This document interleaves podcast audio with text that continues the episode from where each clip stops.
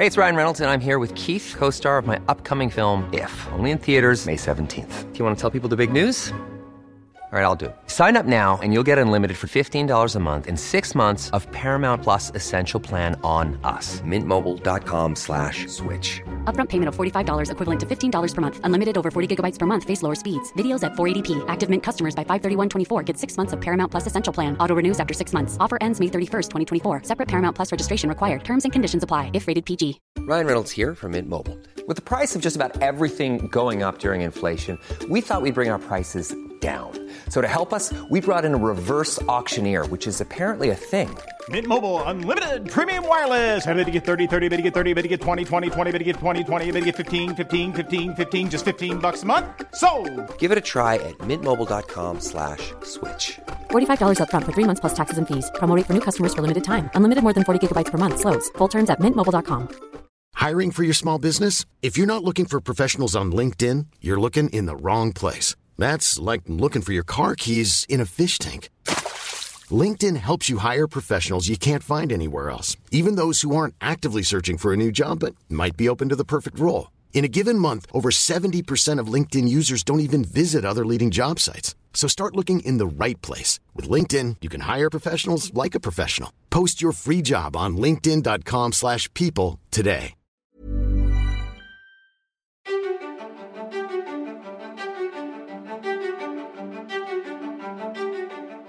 Velkommen til Ulest, podkasten der vi leser 20 kristne tekster fra 20 100 år. Mitt navn er Tore Hjalmar Sævik, og med meg har jeg Peder Solberg og William Gråsås. Dette er den andre episoden om en viktig tekst fra det første århundret. «Didakje, de tolv apostlers lære.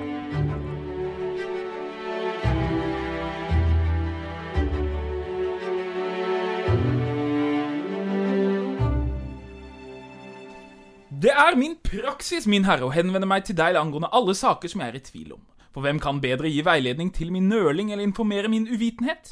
Jeg har aldri deltatt i rettssaker med kristne. De påsto imidlertid at kjernen i deres feil hadde vært at de pleide å møtes på en fast dag før daggry og synge en hymne til Kristus som til en gud, og binde seg selv med en ed, ikke til en forbrytelse, men å ikke begå svindel, tyveri eller utroskap, ikke forfalske sin tillit eller nekte å returnere en tillit når de ble bedt om å gjøre det. Når dette var over, var deres skikk å skilles og samles igjen for å spise mat, men vanlig og uskyldig mat. Selv dette, hevdet de, hadde de sluttet å gjøre etter mitt edikt, der jeg i samsvar med dine instruksjoner hadde forbudt politiske foreninger. Følgelig fant jeg det desto mer nødvendig å finne ut hva sannheten var ved å torturere to kvinnelige slaver som ble kalt diakonisser. Men jeg oppdaget ingenting annet enn fordervet, overdreven overtro. Reine ord for eh, pengene der, William. Og hvem er det som skriver? Altså Det er Plinius den yngre som skriver et brev til keiser Trajan om hvordan han skal håndtere alle disse kristne han har i sine områder, som er blitt et eh, problem. De er blitt mange, og de eh, fyller områdene hans. og han de vil ikke tilbe keiseren som gud, og eh, hva skal vi gjøre med dette? Og Så skriver han dette brevet, har vi en brevveksling mellom Plinius og Trajan frem og tilbake om hvordan han skal håndtere det. Dette var bare et lite utdrag da. Og, Ja, og dette er i det nordlige Tyrkia i dagens. og, og dette er jo akkurat samme periode som Didaché sannsynligvis er blitt satt sammen til én tekstmasse. Altså 110 etter Kristus ca. Altså den. og, og jødedom og kristendom fra romersk perspektiv ble regnet som én religion i, i Åpenbart kristendommen var en jødisk sekt, men her er det tydelig at de kristne er blitt en egen gruppe i romernes øyne, og eh, da må man finne ut da, hvordan skal man forholde seg til disse. Ja, og det som eh, Det er mange spennende ting ved akkurat eh, den brevvekslingen der, men en av de eh, viktige tingene som vi ser, det er når de kristne på denne måten dukker opp på romernes radar, så å si, som, som noe distinkt fra jødisk tradisjon, eh, så er det dette formulert i én setning. De tilber De samles på en bestemt dag i uken. De tilber Kristus som en gud. Eh, og dette sier jo noe om eh, det vesentlige i hva, hva som var kjernen i, i eh, de kristnes eh, Hvordan de skilte seg ut, da. Med en egen tilbedelse til denne Kristus. og som også forteller oss noe om at det var ikke sånn at de kristne lurte på liksom eh, Det fantes forskjellige varianter av kristen eh, tro. og William var inne på gnostisismen osv. Det fantes for forskjellige forståelser av hvem Jesus var. Men når man snakker om de kristne, også når romerne gjør det, så er det disse som eh, oppfatter og tror og tilber Jesus som en gud. Det vil si at han er Gud selv. Uh, så, så, så, det er et viktig vitnesbyrd om, om, den tidlige kristne tilbedelsen, faktisk. Selv om det også da selvfølgelig forteller noe om det politiske uh, klimaet som disse tekstene som, uh, som, vi har fra tidlig etterapostolisk tid, er blitt til i. Altså det er, det er et klima der, der altså romerne, også i denne brevvekslingen, de, de, oppfatter at de er tolerante. Uh, de forsøker å, å, å, holde imperiet sammen på best mulig vis med politiske eh, kompromisser osv. Eh, og en av de tingene de gjør, er nettopp det å Altså, de godtar at folk tilber andre guder så lenge de holder de romerske gudene på toppen. For hvis ikke man er med og tilber de romerske gudene, så er man per definisjon en quisling. Altså en som, en som undergraver hele imperiet. Fordi gudene blir selvfølgelig sinte hvis at vi ikke understøtter deres uh, hva skal jeg si, uh, overhøyhet. Så, så, romernes guder må være på toppen, og de må fast tilbes av alle. Så kan du tilbe hva annet du vil innimellom, men de kristne satte en grense der, sant? og det er problemet. Men var det ikke sånn at Dette kan jeg ikke detaljene men var det ikke sånn at romerne hadde gjort en deal med jødene, der jødene hadde en, fått lov til å Så lenge de bar fram offer for keiseren i tempelet, så fikk de de fikk tillatelse til å, å, eh, å, ikke tilbe eh, keiseren som en gud, men så det blir et problem for kristne. For kristne de, Så lenge de er jøder, så har de den beskyttelsen, men når de plutselig blir forstått til å være noe annet enn jøder, så har de ikke den beskyttelsen. Stemmer, det stemmer. Fordi, fordi jødene var det, den ene Altså den jødiske religionen var den ene religionen som hadde fått et unntak. Og de hadde jo tilkjempa seg den, først gjennom eh, altså opprør mot den greske myndigheten før romerne kom, ikke sant. Men men også eh, i eh, forhold til romerne så hadde de tilkjempa seg retten til å kunne tilbe sin ene gud. Men da igjen romernes toleranse og det at de jødene hadde en gammel religiøs tradisjon. For det, det var viktig i romersk rett. Altså hadde du lang historie, så hadde du på en måte en slags presedens. Eh, og jødene hadde en presedens for å kunne tilbe sin gud, men da måtte de, som du sier, de måtte eh, bære fram offer til Javé, til sin gud, for keiseren. Det var kompromisset. Kan det forklare liksom også de utrolig Noe av de veldig sterke spenningene mellom jødene og kristne? Det at de kristne på en måte litt trenger å være, oppleve seg som en del av jødene, den jødiske identiteten, mens jødene, eh, eller de som ikke aksepterer Jesus som Messias, eh, vil gjerne bevare den statusen da, som deres religion eh, har i, i det romerriket? Absolutt. og, og eh, motsatt sett, holdt jeg på å si, så er det klart at de, de kristne blir en trussel for jødene og deres hardt tilkjempede posisjon i det romerske samfunnet. Fordi de kristne begynner jo å inkludere hedninger. Uh, og det, jo, det, skjønner jo jødene, og det er jo et problem for romerne. Altså, Så lenge dere er en liten jødisk gruppe, greit, det, det funker. Men hvis, hvis dere plutselig uh, skal liksom bli en, en sånn misjonerende religion som dere nå er, og det kommer uh, masser av våre egne folk, av romerne selv, og slutter seg til det og, og, og ikke vil tilbe de romerske gudene lenger, så blir jo det Altså Jødene skjønner jo at dette skaper problemer for oss, hvis at vi får skylden for dette. ikke sant? Ja, for jødene var jo ei, ei gruppe som bodde Altså De hadde jo eh, sitt eh, kjerneland i det som er dagens Israel, som romerne kalte Judea, men som Eh, likevel så var det mange jøder som bodde rundt omkring i middelhavsområdet. Men så lenge de ikke var en misjonerende religion, og så lenge de eh, var en så distinkt gruppe knyttet egentlig du, du, ble født som jøde, da, og så fantes det vel enkelte som slutta seg til med proselytter. Men det, det, var jo nesten sånn at de møtte ganske mye motstand på veien inn. altså De ble ikke på en måte forsøkt rekruttert til å bli jøder. Så, så er det jo kanskje ei, gruppe som er er lettere å forholde seg til, som du er inne på, Peder. Det er sant. Eh, samtidig så er jødedommen i veldig forandring her. Jødedommen Jeg tenker på den herre eh, vanvittig store hendelsen som, vi, som ikke er synlig i Bibelen eller i Nytestamentet annet enn indirekte, og det er jo tempelets fall, år 70. Man kan si at den evangeliene, Matteusevangeliet, Lukasevangeliet, det, det, det sirkler rundt denne vanvittige hendelsen for israelsfolket. At romerne til slutt, etter at jødene har gjort opprør, gjort et politisk opprør, så kommer de altså jevner de tempelet med jorda. Og, og etter det så forandrer jødedommen seg. fordi hva er jødedom når du ikke har tempel? Tempel er jo kjernen i alt. Og eh, alt er på en måte opp til forhandling. Og det kan nok hende at de kristne tenkte at Ok, dette skjer, og eh, vår eh, Messias han profeterte dette, og det beviser at vi er de ekte arvingene til, til Abraham.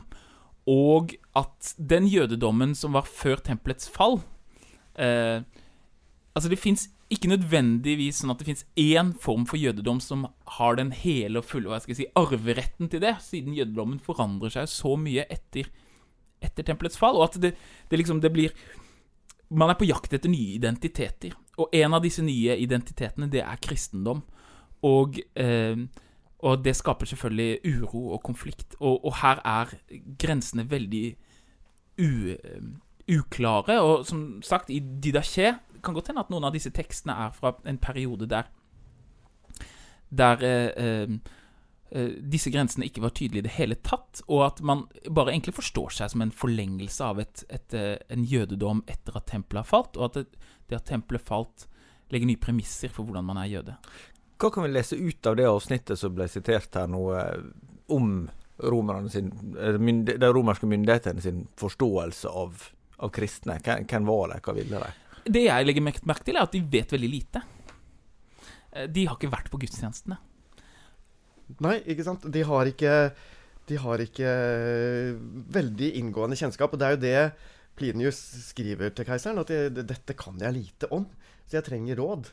Eh, men det jeg har klart å funne ut til nå, med litt forhør og litt tortur og litt forskjellig, så så er det ikke så veldig kriminell gjeng, tross alt, disse her. De Nei. måte, de er, tross alt? De, ja, de spiser vanlig Altså, det går jo rykter. Ja. De kristne feirer, eh, feirer nattverd, og noen sier at de drikker blod og spiser menneskekjøtt. Men Det fins en tekst fra den perioden som, som, eh, antyder det, gjør det ikke det? Ja. Så nettopp det ligger som bakgrunn. Altså, de spiser jo faktisk bare vanlig mat. Ja. Eh, og de binder seg ikke til kriminelle handlinger. Altså, de, det er mer nesten motsatt. De prøver å være moralske og greier. Og så, så, så, så Plinius er litt sånn eh, uh, Han skriver til keiseren og sier at jeg, jeg føler ikke jeg trenger å, å, å drive oppsøkende virksomhet og, og, liksom prøve å finne ut hvor de Når de blir anklaga, så må jeg selvfølgelig ta, ta de inn til forhør og sånn, men, men, han opplever nok at, at uh, uh, han ønsker å være tolerant i sin forståelse, da, uh, i møte med at ja, så lenge de kristne ikke gjør altfor mye ut av seg, så, så, trenger vi vel heller ikke å, å, å bruke masse hva skal jeg si, politikrefter på å etterforske akkurat disse. fordi ja, de er tåpelige, overtroiske mennesker, men kan, det, er, det, er, det på en måte. Vi kan torturere noen diakonisser en gang iblant. Ja. Det er nok. Ja, hva er diakonisser i denne sammenheng? Nei, det er jo eh, tydelig altså Fra Apostelens gjerning så kjenner vi jo dette at det lages en diakontjeneste. Om det er en direkte forlengelse av det, er vanskelig å si. Men fra denne tiden så kjenner vi fra Ignatius-brevene, som er andre brev som er skrevet på denne tiden, at man utvikler for å på en måte finne en ordning som skaper fred i kirken. Fordi splittelse og hvem har autoritet, og hvem kan hvem kan påta seg å, å, å, vite hva som er i en lære, og sånne ting, så lager man et tredelt embete som, som, man ser på en måte frøene av i Nytestamentet, men, som er helt utviklet eh, på denne tiden eh, når Trajan skriver. Og det er eh, biskop, den lokale eh, ansvarlige forsamlingslederen, som ble sett på som den, den eh, forlengede eh, armen av apostelen apostlene hadde fått sine, sin autoritet, og så er på en måte biskopen den lokale apostelen. Og så har du presbyteriet, som er prestene, som gjør prestetjenester på biskopens vegne. Eh, bidrar i gudstjenesten, eh, leser tekster, preker. Men så har du også diakoner, som har ansvar for å, å først og fremst eh, selvfølgelig hjelpe til praksis, praktisk, men gi nattverdsgavene til de som er syke, de som har slavetjeneste, og liksom Eh, ta kirkens gudstjeneste ut. Og denne tredelte embetet er jo den du finner f.eks. i anglikansk tradisjon. Er de, er de veldig glad i, i, dette. Og I Norge så kan man jo si at, at eh, vi har jo også både biskop og prest og diakon, men, men uh, kirkevirkeligheten vår, i hvert fall i norske kirke, er jo så preget av en annen, helt annen måte å se på hva skal jeg si Eh, for eksempel, Du har jo noe som kalles for LO, for eksempel, som gjerne vil definere eh, relasjoner mellom prester og diakoner og biskoper som rettighetsrelasjoner. Mens her er det jo en strengt hierarkisk relasjon, da, selvfølgelig. Og jeg syns det er fascinerende at det er diakonisser, i, altså det er kvinner, eh, som er sentrale personer, og at de er slaver. Som har fått sentrale embeter i, i tidlig kristne kirke. Det er en sånn interessant detalj som sier noe om at slaver og kvinner, og det er noe vi vet, spilte en uhyre sentral rolle i eh, denne tidens kristendom. Det er, eh, det er eh, veldig viktig poeng, og, og nettopp dette i, i, forhold til Altså, vi bruker jo, som du sier, fortsatt ordet diakon, en, men også diakoni som en, som en, tjeneste som ikke nødvendigvis er knytta til hva skal jeg si, et embete i den forstand, men som en tjeneste i, som hele kirken skal, skal uh, drive, sant? med omsorg for de syke, for de fattige osv. Ja, for oppsummert er jo det kristen kjærlighets... Nestekjærlighetsarbeid. Ja. Ja. Og, og, og, dette var jo også det kommer vi tilbake til seinere. Altså noe som, som, som, romerne både ble imponert og irritert av. At de kristne tok seg av også deres syke og fattige. Og, og at det altså De vinner så mange tilhengere ved å gjøre alle disse kjærlighetsgjerningene blant oss. Uh, så, men, men, at disse da hadde en, en, en, en, ansvarsrolle, i hvert fall i forhold til diakonitjenesten. Du spurte hvorfor, uh, hvordan de så på gudstjenestene til eller de kristne. og De vet lite, og det henger jo sammen med også at gudstjenesten var noe som var for de innviede. Er det en ting vi leser i Didaché, som sies veldig tydelig i forbindelsen med nattverden, så er det dette eh, Ingen må spise eller drikke av Herrens eukaristi, unntatt de som er døpt til Herrens navn. Og i ortodokse liturgier eh, Ortodokse de liker jo ikke å forandre på noe, de gjerne har det sånn som det alltid har vært. Så er det en, en, en liten sånn eh, del som kommer etter ordets del, der diakonene skal rope Dørene, dørene Og det betyr 'lukk dørene', betyr det. Det vil si alle som ikke er døpt. Nå skal vi feire nattvær. Dere får ikke være der. Katekumener gå ut. Katekumener gå ut! Katekumener gå ut. Og det er helt tydelig at På denne tiden så var det sånn at hvis du ikke var døpt, så var det helt utenkelig å bære som observator. Ja, jeg vil bare se hvordan de kristne mysteriene, hvordan nattverden fungerer. Jeg vil se når dere taler profetisk. Jeg vil se når dere deler ut. Det er helt utenkelig. Eh, og det er jo Man kan like eller ikke like det, men det, det sier litt om sårbarheten til fellesskapet overfor offentligheten det eh, forklarer kanskje noe hvorfor f.eks. Johannesevangeliet er så veldig forsiktig med å eh, gi av det som var kirkens praktiske liv. Johannesevangeliet har masse indirekte referanser til nattverdsfeiringen. Johannes 6, f.eks., som er jo nattverdsteologi. Johannes 3, som er dåpsliturgteologi. Eh, Johannes 13, eh, hvor det snakker om eh, vasking av beina, eh, som er også nattverdsliturgi, men ikke innstiftelsesordene. Eh, og eh, ikke Fader vår. Og ikke disse tingene som vi vet, og som Didaché lærer oss, var sentrale byggestener i hvordan den praksisen var. Det på en måte skjuler Johannes. Eh, og jeg tror at det kan henge sammen med at dette var noe som var eh, for eh, de innviede. Og eh, det å lese Fader vår Didaché sier at man skal lese Fader vår tre ganger, og det skal man gjøre i forlengelse av dåpen. Og senere så får vi vite at i tidlig kristendommen så var det sånn at selv det å be Fader vår var noe man ikke skulle gjøre før man var døpt, fordi det var en slags status man fikk i forbindelse med å bli Guds barn i dåpen. Nå kan du, etter at du er døpt, for første gang henvende deg til Gud, ikke bare som Gud i himmelen, men som Abba, far. Og, og, eh, de vet ikke. Og det er derfor de spekulerer. Driver de med, eh, driver de med eh, menneskeeting? Vi har hørt at de spiser Kristi kropp og blod. Og det er derfor han må drive disse undersøkelsene og torturere de da. Og jeg kan tenke meg at disse diakonissene Han sier at de driver med noe sånn eh, sverger eder og sånne ting, og så spiser de et måltid etterpå. At de liksom kanskje så det som en greie Nei, jeg vil ikke røpe nattverdsliturgien! ikke sant? Jeg vil ikke røpe det. Eh, fordi de så på det som så hellig. At jeg, jeg kan godt si til dem at vi har ordets del, og jeg kan godt si til dem at vi har agapemåltidet. Men nattverdsliturgien, den er vår, da. Og, og jeg kan se for meg disse slavene som liksom ikke engang vil liksom eh, Ja, ikke vil gi detaljene eh, om, om nattverdsliturgien, fordi det oppleves som eh, dette er himmelen på jorden. Dette er eh, mysteriene, som var det de kalte liturgien i første kristne tiden. Og dette er jo ei tid da det å ha slaver var ganske selvsagt for mange. Eh, altså, som Og slaveri var ikke det samme som det vi kjenner, kjenner til fra Nei, altså, Amerika. altså De som eh, har forska på dette, anslår at uh, halvparten av alle som bodde innenfor Romerrikets grenser, grenser, var slaver. Én av to på gata var en slave. Uh, det vil si at slaver var en normal del av alle husholdninger. Uh, og en ganske liten del av, av den romerske befolkningen var romerske borgere, sånn som Paulus var, som han var veldig stolt av, eller altså hadde, også hadde hva skal jeg si, nytte av i, for å få en uh, rettsprosess osv. Men, men slaveandelen var stor, og, og, og de var på en måte arbeidere mer og mindre godt behandlet og mer og mindre godt uh, hva skal jeg si, ivaretatt uh, på alle vis. da.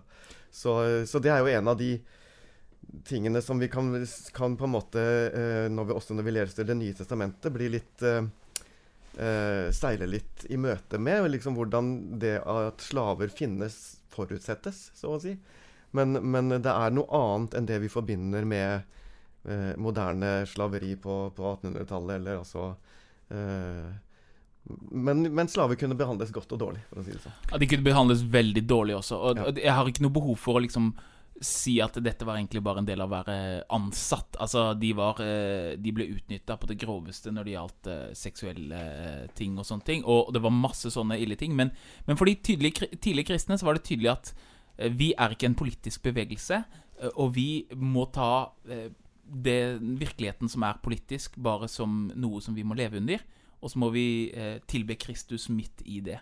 Å være på en måte det som et begrep som brukes i Nytestamentet også, en surdeig ja. i forhold til å endre på relasjonsforståelser. ikke sant? Det finner vi jo i, i, i Nytestamentet igjen. En sånn en oppfordring til å behandle slavene som dine medmennesker fullt og helt. Eh, som likeverdige under gudstjenestefeiringen.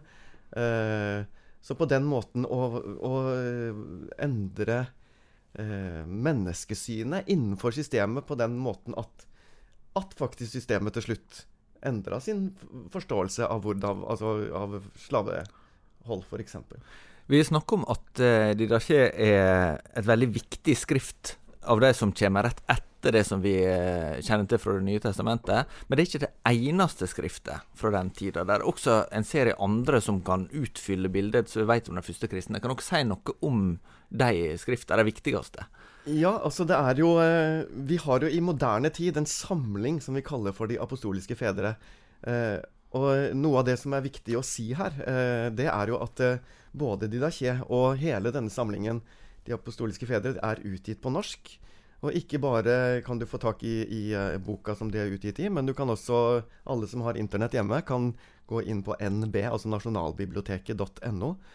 nb.no. Der kan de uh, søke opp denne boka, 'De apostoliske fedre', og lese alle disse tekstene, både i Didaché og de andre som du nevner. Og, og, dette er jo da tekster som er blitt til mellom år, hvis vi, er, eh, hvis vi tar de tidligste dateringene av Didaché, da, uh, 50-60-tallet og til ca. år 150. Altså andre, tredje og fjerde generasjons kristne. Eh, tett på aposteltiden. Tekster som vi har som, som, eh, som, forteller noe om hvordan er virkningene så å si, av og utviklingen av den tidlige kristendommen. Og en av disse samlingene som vi har der, er f.eks. Eh, Ignatius-brevene. Som, eh, som eh, ja, hvem var det? Skrev jeg til og fra? ja, altså en, en um, biskop uh, i uh, Antiokia på samme tid som, som dette Plinius-brevet, ja. altså under keiser Trajan. Som, og da er vi også i Tyrkia? Altså, vi, sånn som vi kjenner det i dag? Ja, ja, sånn som vi kjenner det i dag. Helt, altså, vi, da ville man kalle det Syria, for ja. å si det sånn. Uh, men det er jo en, en, av de store tidlige kristne menighetene der som uh, både Peter og Paulus var. Og, uh, så det var jo en veldig viktig menighet, eh, også knytta til Johannes. Eh, Ignatius regnes som en Johannes-disippel i måten han skriver på. Men han, han, er nå tatt til fange. De brevene vi har av han, sender han til syv menigheter. Dvs. Si seks menigheter og til en biskop som heter Polikarp. og og oppmuntrer de til å holde ut, selv om han nå er tatt til fange, skal føres til Roma og, og, og uh, henrettes der. Når du leser Ignatius-brevene, så får du følelsen av at dette er en fyr som gjerne vil være som Paulus. Det er jo den følelsen du får, at han skriver Det er en dannet eh, person, som, men som kjenner Paulusbrevene veldig, veldig godt, og som forstår sin tjeneste som biskop som en direkte forlengelse av den måten Paulus utøvde sin tjeneste på, og som ikke minst forstår det å bli martyr som nesten hva skal jeg si, klimakset i sin kristen, kristne gjerning. Det å, å være vitne for Kristus ved å bli, eh, være, villig til å gi livet sitt. Og Han er jo veldig berømt for at han skriver et av brevene at ikke ikke bruk eh, ressursene deres på å prøve å få meg fri fra dette ved å bestikke noen, eller sånt, men jeg ønsker å være vitne for Kristus, og jeg er villig til å gi livet mitt. Og Der ser vi at denne eh, forestillingen om at, at, det å etterligne Jesus ved å være villig til å dø, det er liksom mønsteret for den kristne lederen, og det er, eh, det er sånn Kirken kan eh, nettopp være surdeigen, den kan bare vinne over Romerriket ved å dø, ved å tape. Han har noen formuleringer der som vi gjenfinner i Altså, de første kristne, de feira ikke bursdagene sine. Men de feira martyrenes dødsdag som deres himmelske fødselsdag. Eh, og det finner vi hos Ignatius. Han skriver at eh, 'jeg er ennå bare et ufullbårent foster'.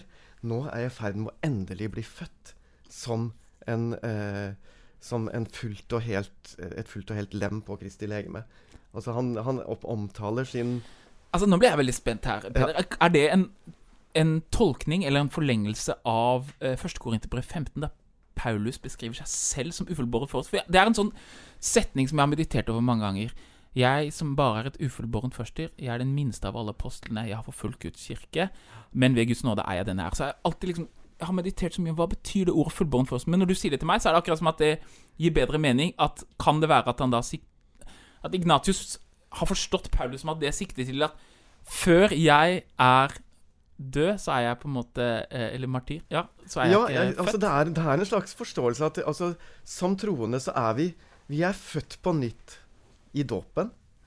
Sant? Men denne fødselen er samtidig også noe som hele tiden uh, foregår så lenge vi er i denne verden. Det er nesten som et slags svangerskap. Ja, det er et ja. svangerskap nede. Ja. Vi er svangere, eller Gud er svangere med oss, sånn som vi skal bli fullkomne i himmelen. Mm. Altså, uh, så, så, så, dette livet er forstå som et svangerskap. Jeg tror du har helt uh, rett i at det er en kobling der. Da, at det er en den måten Ignatius i hvert fall forstår en sånn formulering hos Paulus.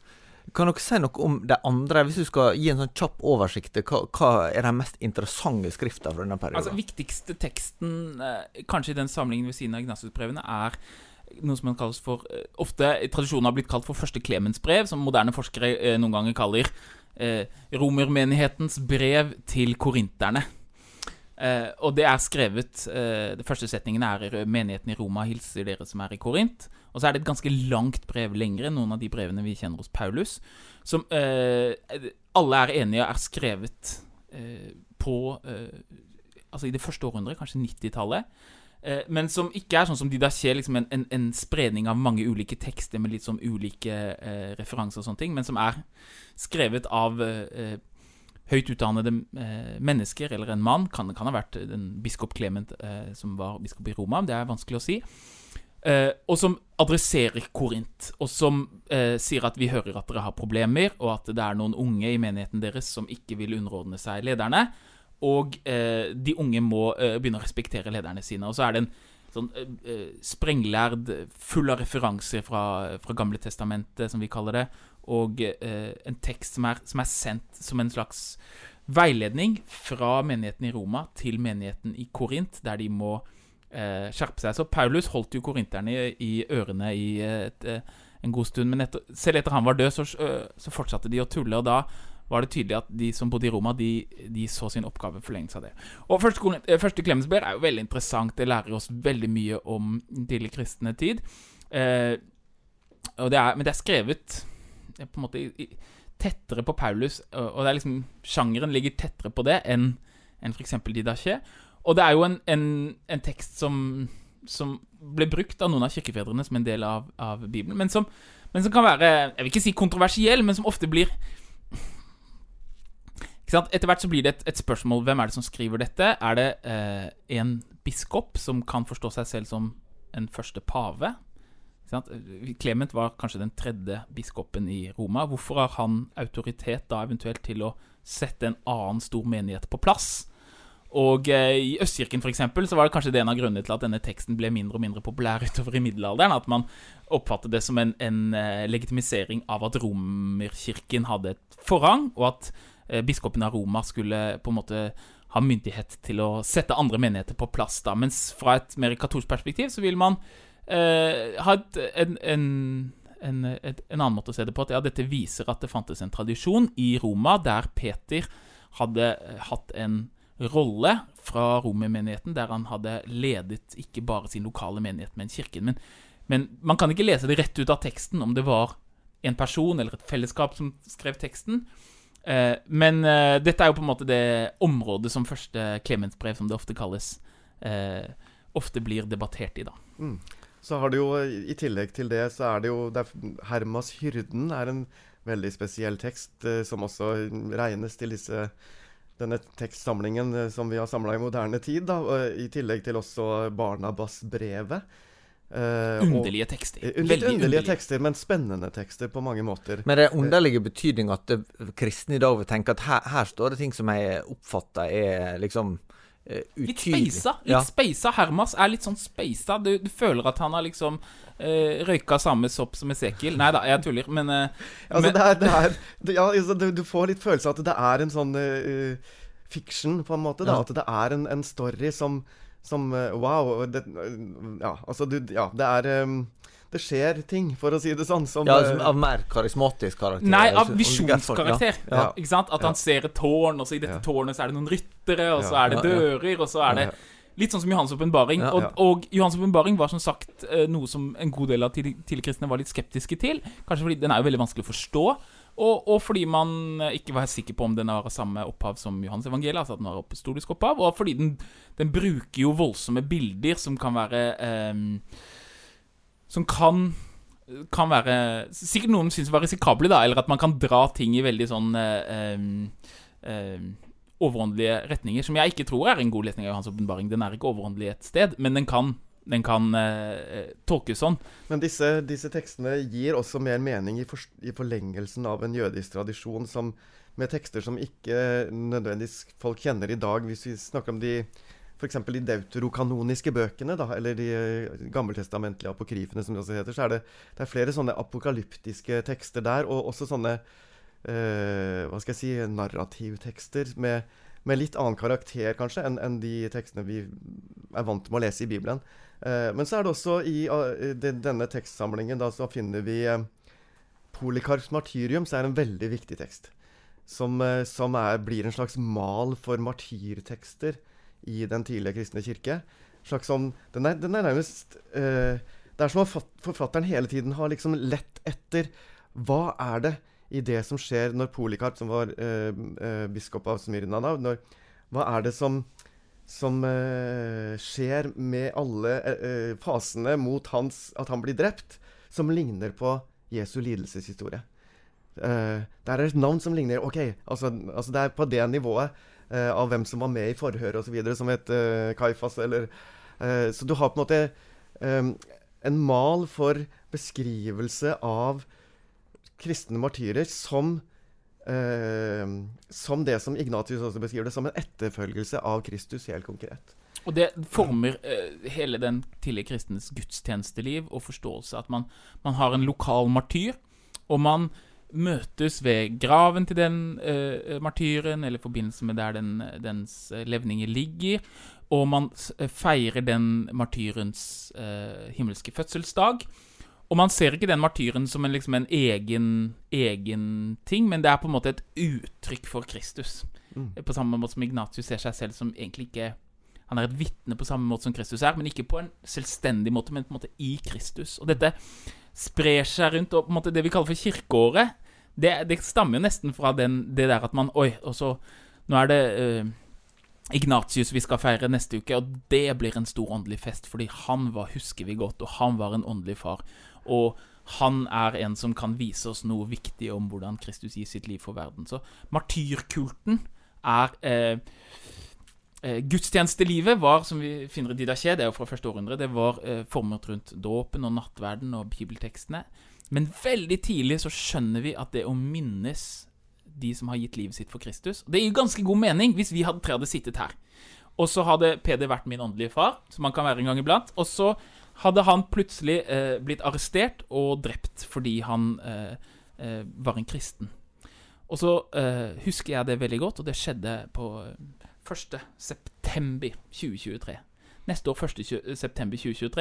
september 2023, så er det en dag jeg vil huske. Men ikke bare en sorgens dag, nettopp fordi han ble åpenbart da som et vitne for Kristus. Og på den måten så, så, så hører vi om det at, at disse store gudstjenestefeiringene rundt, rundt, det å minnes martyrer er en, en veldig stor del av, av, kristenlivet på, allerede fra denne tiden, og utvikler seg selvfølgelig videre. da. Jeg tror det er en, jeg tror, jeg tror det er en god beskrivelse, og, og også som en, en altså hvis, hvis, nå dette hadde skjedd, det, vi får jo håpe og be om at jeg slipper å være det, men, men hvem vet? Eh, eh, om noen av oss en gang. Eh, uh, ende livet på en sånn måte. Men, men, men, det er jo I denne tiden så er det en Det er en oppmuntringsfeiring. Altså det er mm.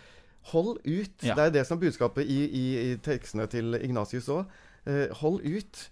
Altså hvis en av oss skulle mot formodning bli drept for sin tro, så vil det også være på en måte det å feire Det er å ikke, ikke være redd. Altså. Uh, dette er en etterfølgelse av Jesus, og om det skulle skje med oss andre også, så, så, er det på en måte en måte å Det er ikke bare å minnes, men det er å oppmuntre oss selv til å, til å utholde det samme.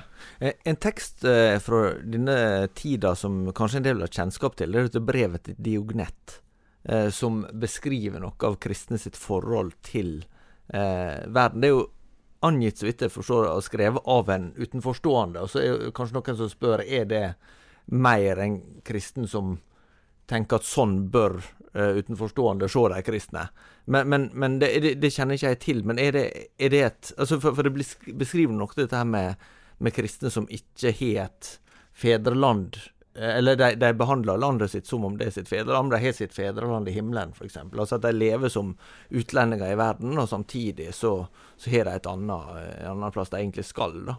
Eh, er, er det en, en, tekst som også er viktig? Ja, nei, Det gir jo en bro også til det vi skal snakke om eh, neste uke. For da skal vi eh, ta for oss den viktigste teksten, ikke fra det første århundret, men det andre århundret. Og da kommer vi til en av eh, eh apologetene.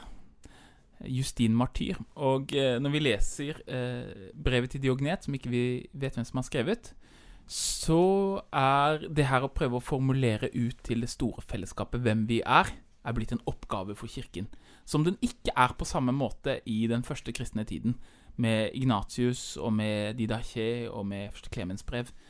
Eh, og um, så, det, så, det, er jo et, eh, en, en, tekst som er eh, et retorisk kunststykke og en perle, og som, men, som, men, som, er vendt ut mot, mot de som ikke har vært en del av fellesskapet, ikke kjenner de kristne mysteriene innenfra og som er eh, en viktig si, sjanger eh, når vi kommer inn det andre århundret. Men, men på én måte kan man, selv om det er en veldig tidlig tekst, så kan man si at den, den, den har noe veldig annerledes over seg enn de andre apostoliske tekstene. nettopp for, eh, apostoliske Altså fra den, eh, de apostoliske fedre. Nettopp fordi den, den, eh, den er ap, en apologetisk, apologetisk tekst utover, da. Og dette er jo en sånn, som, som William er inne på, en, en overgangs eh, på en måte. I forhold til Igjen, altså de, alle de tekstene vi har i Det nye testamentet, er jo skrevet til menighetene, altså, eller i en menighetssetting.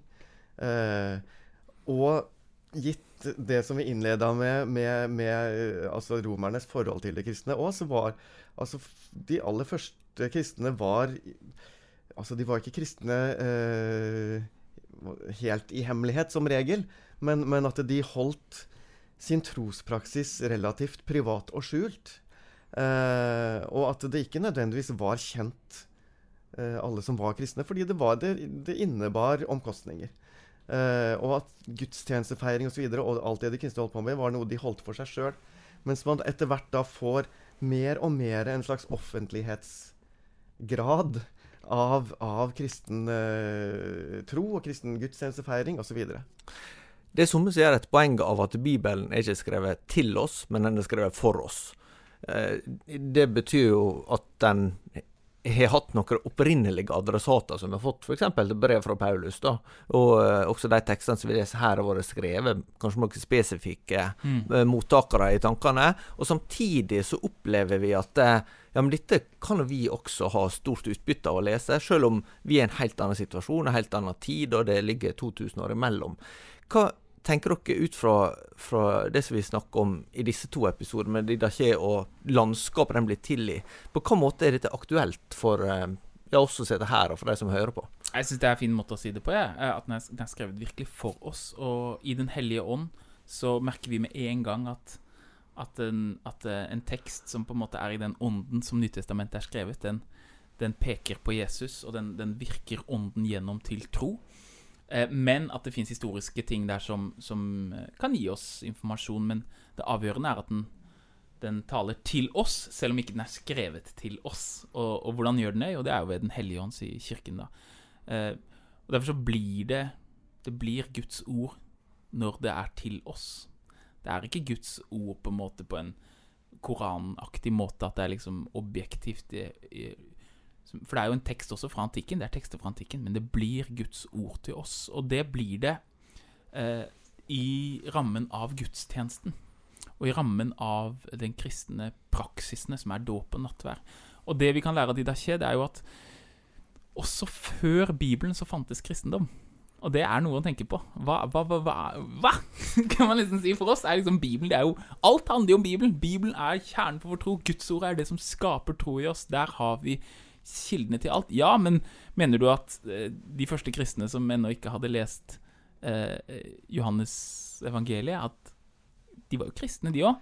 At det begynner Kristendommen har i seg et budskap, men Jesus sender dem til å lære å døpe, og at de samles rundt Jesu eh, døde oppstandelse. Og ut fra det, så, og i den konteksten, så utvikles det en, en, en lære som også eh, skrives ned i tekster som, som eh, blir en del av en eh, autoritativ Det vi kaller for kanon.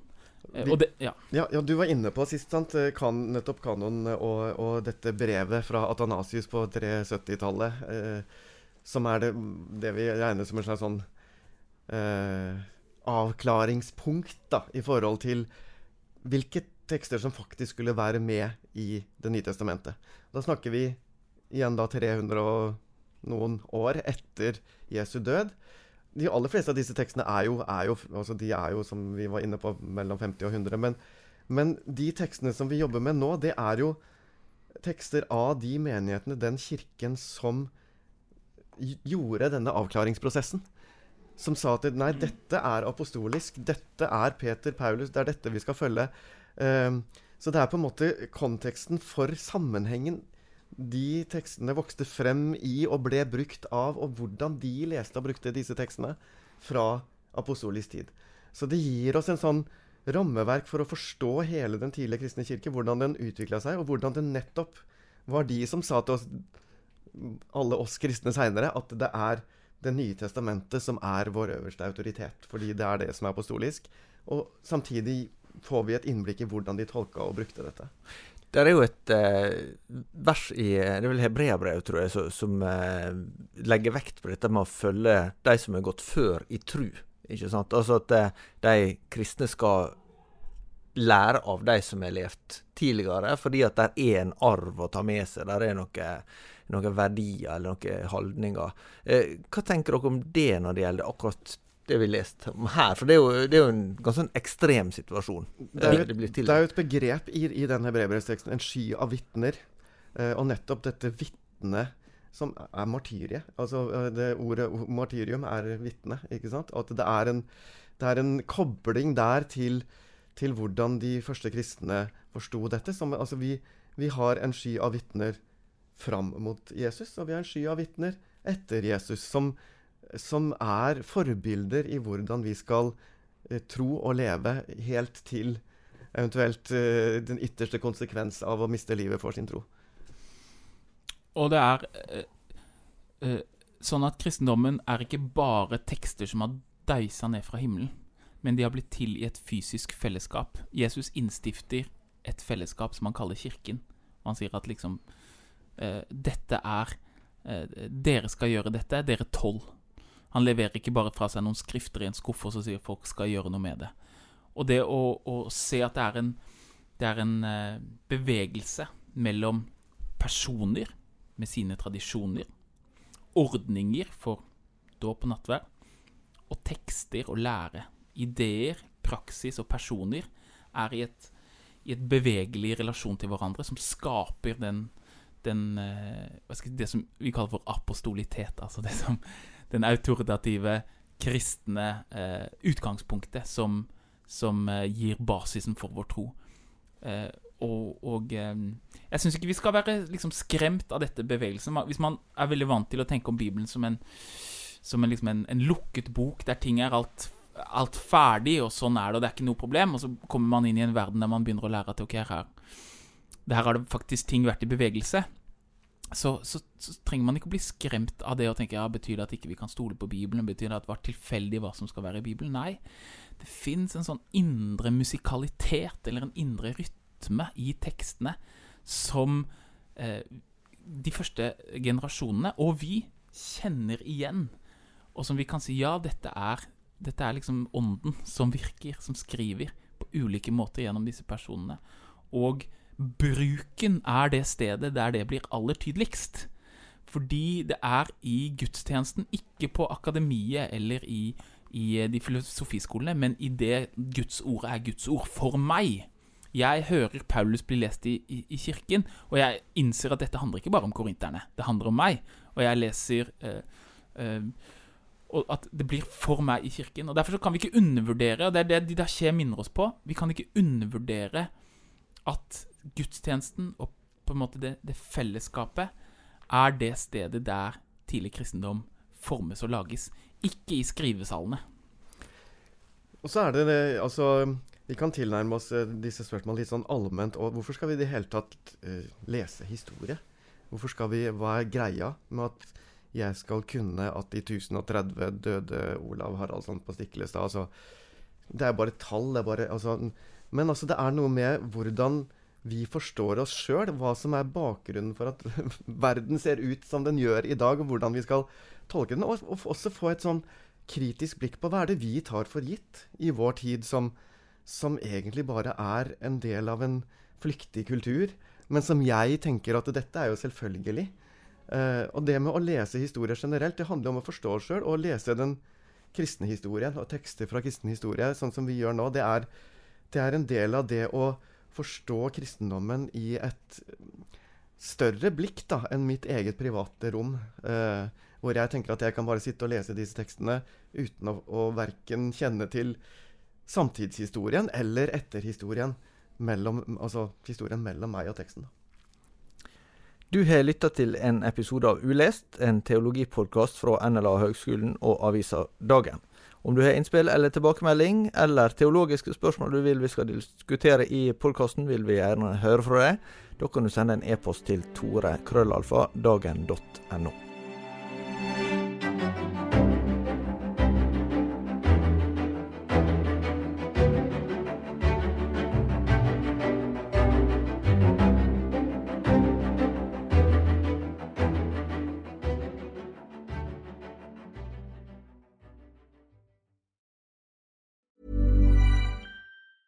Planning for your next trip? Elevate your travel style with Quince. Quince has all the jet setting essentials you'll want for your next getaway, like European linen, premium luggage options, buttery soft Italian leather bags, and so much more. And it's all priced at 50 to 80% less than similar brands. Plus, Quince only works with factories that use safe and ethical manufacturing practices. Pack your bags with high-quality essentials you'll be wearing for vacations to come with Quince. Go to quince.com slash trip for free shipping and 365-day returns. Even when we're on a budget, we still deserve nice things. Quince is a place to scoop up stunning high-end goods for 50 to 80% less than similar brands. They have buttery soft cashmere sweaters starting at $50, luxurious Italian leather bags, and so much more. Plus, Quince only works with factories that use safe, ethical, and responsible manufacturing. Get the high-end goods you'll love without the high price tag with Quince. Go to quince.com slash style for free shipping and 365-day returns.